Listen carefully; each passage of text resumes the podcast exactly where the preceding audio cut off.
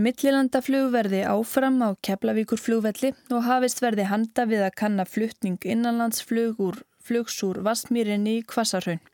Ekki þykir físilegt að innanlandsflug verði flutt til Keflavíkur. Þetta eru tilugur stýrihóps sem samgöngur á þeirra skipaði fyrra um flugvallakosti á Suðvesturhorninu. Það hefur lengi verið deilt um staðsetningu Reykjavíkur flugvallar og fjölmarkar skýslur hafi verið gerðar. En þýðir þessi niðurstaða að skriður komist á málið. Já, ég held að þessi, þessi niðurstaða sem hér er gerð hún tekur svolítið niðurstöður allra skýrslana sem skildu alltaf svolítið eftir. Því var haldið fram að það væri hægt að fara í uppbygging á kvassarunni og það væri skynsalega heldur en halda áfram Keflavík. Þessi skýrsla svara því þegar að borinu er saman epplu og eppli. Því hefur verið haldið fram að það þurfi ekki frekar rannsóknur og ákvörðun geti verið tekinn. Þessi skýrsla sínir fram á að það þarf tvekja ára veðifarsrannsóknir, það þarf rannsóknir á varsvend, það þarf aðeins frekari flugprófanir áður en þú tekur þessi ákvörðun. Og það skiptur öllu máli að fá þau gögn upp á borðið af öllum þeim hagaðilum sem sáttu í nefndinni.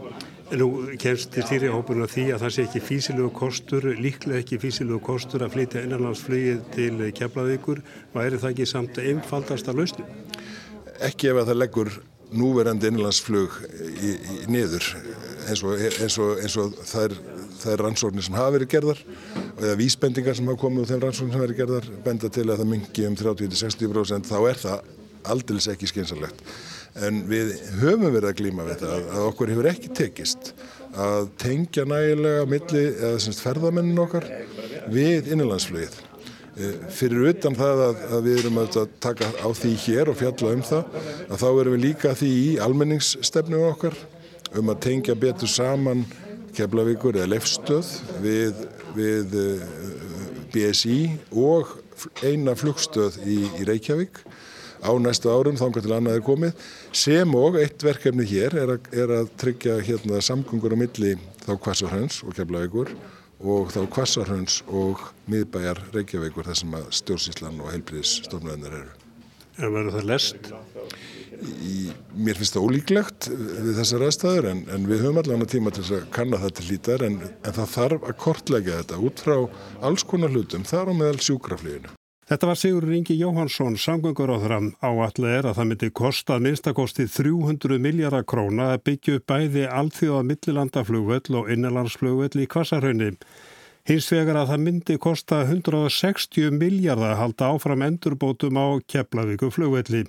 Nýr innanlandsflugvöllur í Kvassarhaunni sem jafnframt í varaflugvöllur myndi kostum 44 miljardar króna og endurbætur á Reykjavíku flugvelli þar sem þegar er þröngtum plás myndu kosta um 25 miljardar. Ejólur Árni Rapsson var formadur stýri hópsins en hvers vegna telur hópurinn ekki físlegan kost að flytja einanlandsflugi til Keflavíkur. Ef við horfum bara nú aðrandi notendur einlandsflugsins sem er nú fyrst og reynst fólk sem býr hér á landi þá er, ef ég maður rétt, 85% eru bara í einandagjörðum hér á Suðvesturhóllið. Það hefur gerið könnun meðal þessar aðila bara margótt undanfærin tíu ár reglulega og niðurstæðan alltaf svo að ef að, að þeir spurningi sett fram, hann myndi svara 30% í að þau myndi hætta nót innlandsflugið ef að þau er í flutti kemlaugur. Höfum það í huga að leggurinn sem að flesti ferðast með er akkur í Reykjavík og uh, ferðartíminn ef þetta fer söður úr, hann er bara ekki svo ekki mikill að mismunna því byrjuð bara að keira ef út í það er farið. En þið leggir til að millinandarflöði verði áfram í Keflavík, eh, það verði farið rækili að skoða kvassarhaun, er það krónur og öyrar sem að ráða þessu? Af okkar halvur að krónur og. Eh, þetta kemur aðri, hlutir inn í það síðar en af okkar halvur að krónur og öyrar. Þetta er greiðilega dýrt, eh, það voru sömur að tala um að byggja fullkomin millilanda og innanlandsflugvöld í kvassarhaunni en það er greiðilega dýrt. Það er þar og þetta er náttúrulega skiptið máli hér að, að hérna, tölur sem hafa verið í kringum þetta hafa verið margar og á reiki en þetta er alltaf spurning á forsendur og við neldum það niður að við erum náttúrulega sömu forsendur þannig til þess að meta kostnarnum fljóðlíkastarunni eins og áallar að kepla geti tekið á móti 2025. Þannig að e, það er nú e, grunn forsenda fyrir þessari niðurstöðu. En nú er, hefur ótt verið talað um kvassarhraun, það eru skiptað skoðanir. Er vannlegt að leggja eða byggja flugveld í kvassarhraunni? Það er alltaf verið að tala um að gera rannsóknir, það hefur verið gerað rannsóknir, bendir ekki til þess að þetta sé ákjósanlegur flugvallar staður? Já, það sem gert hefur verið bendir til þess og það þarf að gangu skugguð um það. Það er ákveðin þættir sem vantar alfarið inn í þetta Eh, sem ég ætla ekki að fara út í, það er of tællilegt eðlis. Og svo þarf náttúrulega að skoða líka bæði skipilagsmál og vassvendamál sögðu frá, þetta er náttúrulega hluti, ekki hluti af, þetta er mjög nála, þetta er væntalega verður hluti af vassvendarsvæði í Suðunesja og það er bara að horfa á það eh, líka og taka það með í reyningin og skoða þetta alveg í kjölinn. Dagur Bjegjason, borgarstjóri og Sigur Ringi Jóhansson, samgöng og sveitarstjórnar á þeirra undurittu í dag þegar skíslan var kynnt Samkólag sem felur í sig að hrinda í framkvæmda verkefnum og náðsynum rannsóknum í samræðin við tilugur í skýslu stýrihópsins um framtíðarskipan flugvallamála á Suðvesturhorni landsins. Degi líst vel á niðurstöður hópsins.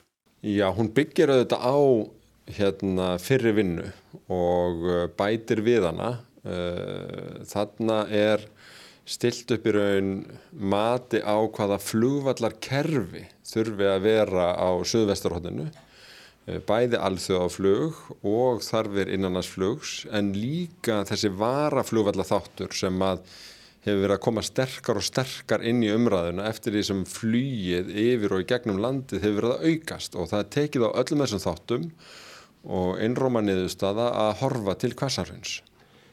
Vassmýrin, eh, það hefur kannski verið ljóst eh, með alla þær skýslu sem að gerða það að verið að það er ekki alveg í auksín, það er ekki alveg á næstunni sem að hægt verður að byrja að byggja þar.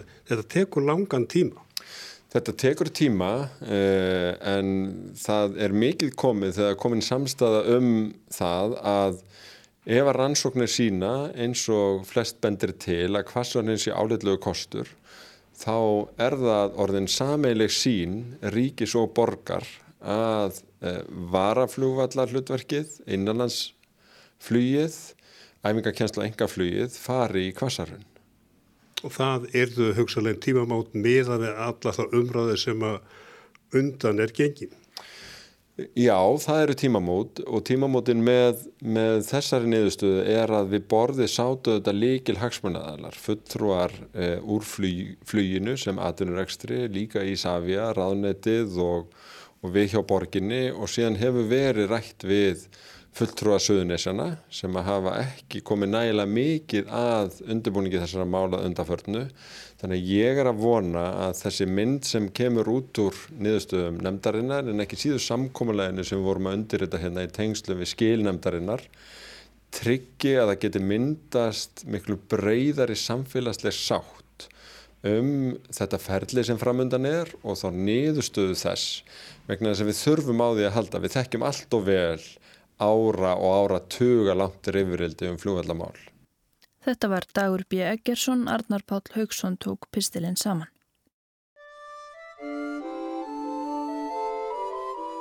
Gullkóróna, veldisbroti, róðukross, jésúlíkneski, gimsteinar, mynd og listilegur vefnaður er meðal þess sem fannst nýverið í gravkvelvingu Fridriks III, keisara hins heilaga romverska ríkis í domkirkju heilag Stefáns í Vínarborg í Östuríki.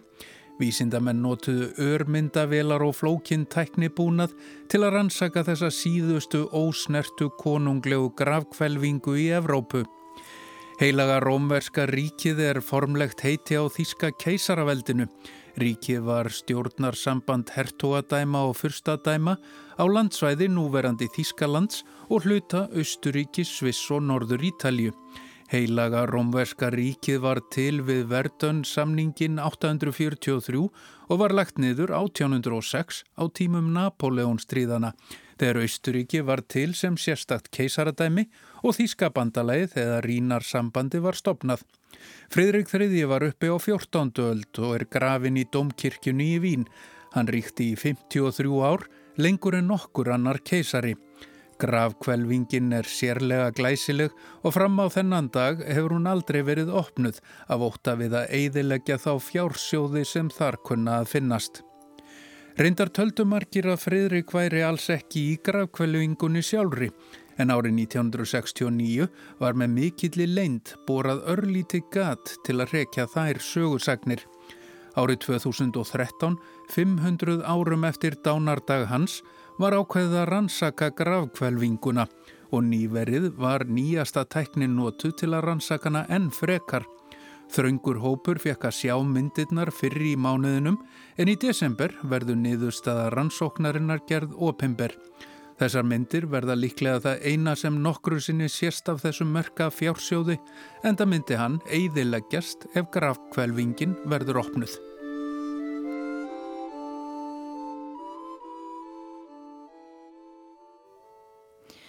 Ívilnunum vegna kaupa á tengiltvinnbílum verður hætt eftir eitt ár sangkvæmt frumvarfi fjármálaráþara sem lagt verður fram á alþingi. Verða bæði reyðhjólum og rafhjólum lækkar um áramótin þegar virðisauka skattur af þeim fellur niður. Bílarflotti okkar hefur vaksin okkur rætt á síðustu árum fjölgunni namum fjórðungi frá 2014 til 2018 þegar að litir á allar gerðir bifriða vorum 205.000 en í fyrra var flottin komin í 255.000.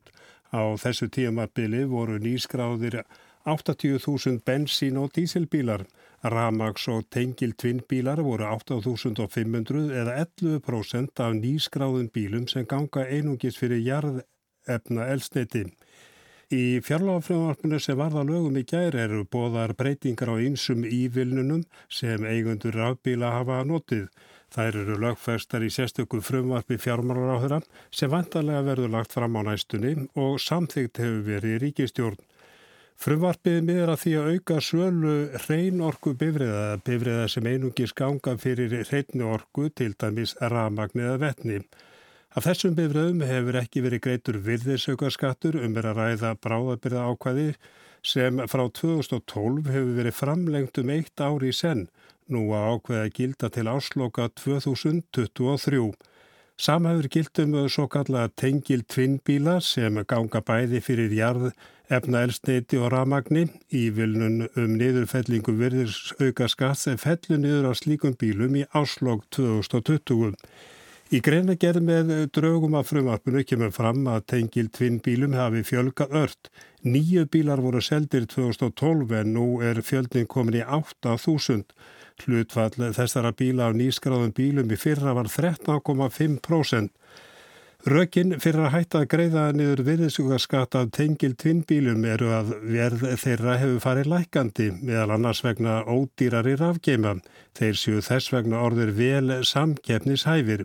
Reyndar hafa þessir bílar verið gaggríndir meðal annars í Nóri, drægi þeirra á ramagni sé stutt og raunin sé að þeir aki mikið á jarðefna elsneiti. Nú varandi þak á endugreislu virðsökaskats er með að við 6 miljónir en verður frá áramótum 6,5 miljónir.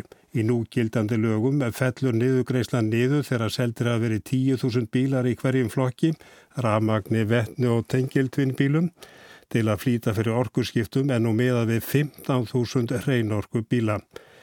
Mikilvæg breyting er að nú eiga eigundur biffjóla sem eru krú með rafmagn eða vettni að njóta sömu kjara og raf- og vettnisbílar. Þetta er gert til að auka kaupa á vistvænum biffjólum. Þau eru nokkuð dýra en frá árumótum fellur viðinsaukarskattur að þeim niður. Þá líka auka hjólreiðar með ívilnunum. Rafhjól sem kosta upp að 400.000 krónu verða undan þegar virðisaukarskatti Ef verði er herra verður að greiða skatta upp að henni sem er umfram 400.000. Hámars niðurfelling nefnur 96.000 krónum. Hjól sem hefði kostaði 496.000 kostar eftir breytinguna 400.000 krónur. Og þá líka vera kvatið til að kaupa venjuleg hjól í uppálegum draugum var með 100.000 krónur vegna aðdó að senda við draugina frumvarpinum hefur þetta mark verið hækkað í 200.000 krónur. Hjól sem nú kostar 248.000 lækkar eftir áramóti í 200.000. Loks eru lagðar til breytingar sem tengjast orkurskiptunum. Nú er heimilt að endur greiða 60% af virðisauka vegna vinnu við uppsetningu hlæðsustöðan fyrir rafbílan í eða við í borhús. Þetta hlutvalla hækkar í 100% frá áramótum og gildir til ásloka 2023. Þetta tengist ekki styrkjum frá sveitarfélum vegna uppsetningar hlæsustöðan en þó þannig að samalaður styrkur og niðugreisla frá ríkinu far ekki yfir heildar upp að vinnar. Þá er hveð áum í frumvarpinum að virðisugarskattu verið feldu niður af bílalögubílum sem ganga fyrir heitni orkum. Jafnframt verði útlega þeirra undanskilin virðisugarskatti. Ákvæði er í frumvarpinum að heimilt verða að fella niður virðisugarskatt af hópverðabílum. Undir það falla hópferðabílar sem knúnur eru ramagni, vettni, metanóli eða metani. Sigurður Frilefsson er frangvandastjóri Orkusettus en áharmar á því að ákvæði frumansins eigi eftir að hafa áhrif. Já, svo sannarlega. Ég, það er mikið verið að tala um að þurfa að gera, að ríkið þurfa að gera miklu meira varandi eh, lofslagsmálinn en ef við skoðum þetta þá hefur mjög mikið verið gert. Það er sko þessar veriðsauka afsláttur af nánast öllum Eh, aukutækjum, faratækjum sem eh, geta verulega dreyið úr, úr losun eh, eru komin á og hafa verið og munu vera lengt í. Auk þess eru þarna tilugur um að, að taka veriðsaukaskattin af, af eða endugriða veriðsaukaskattin af hlæðslustöðum. Þannig að það má nú kannski segja að kannski sé eiginlega sagt komið að okkur, neytendunum, að raun og veru byrja. Má segja ríkið að mörgu leiti en það hefur líka styrt e, uppsetningu hlæðslustöða og hraðhlæðslustöða og, og, og, og svo framvegs. Þannig að kannski er eiginlega komið að okkur neytendum að fara að, að, að byrja. Er raugrétt að hætta niðugreða tengil tvinnbíla og... Tengiltvinnbilarnir hafa verið góð svona milliskref eh, yfir í alorkuskipti, yfir í ramagn. Eh, margir tristu sér ekki í að, að, að fara allar leið í ramagni og maður skilur það vel. Eh, þannig að á einhverjum tímapunkti, kannski ekki strax, en þá, þá hérna svona maður hugsa sér að íviljaðina færist meira yfir í hreina rafbila en það þurfu svona á næstu árum kannski helst að komast í algjörlega losuna fría bíla eins og, og ramas og vennisbíl. Bílaleguflottin er mjög stór og uh, fer fljótt í endursölu, ég held að sé 40% nýskráðum bílum, uh, það er gert ráð fyrir ívilnunum til þeirra.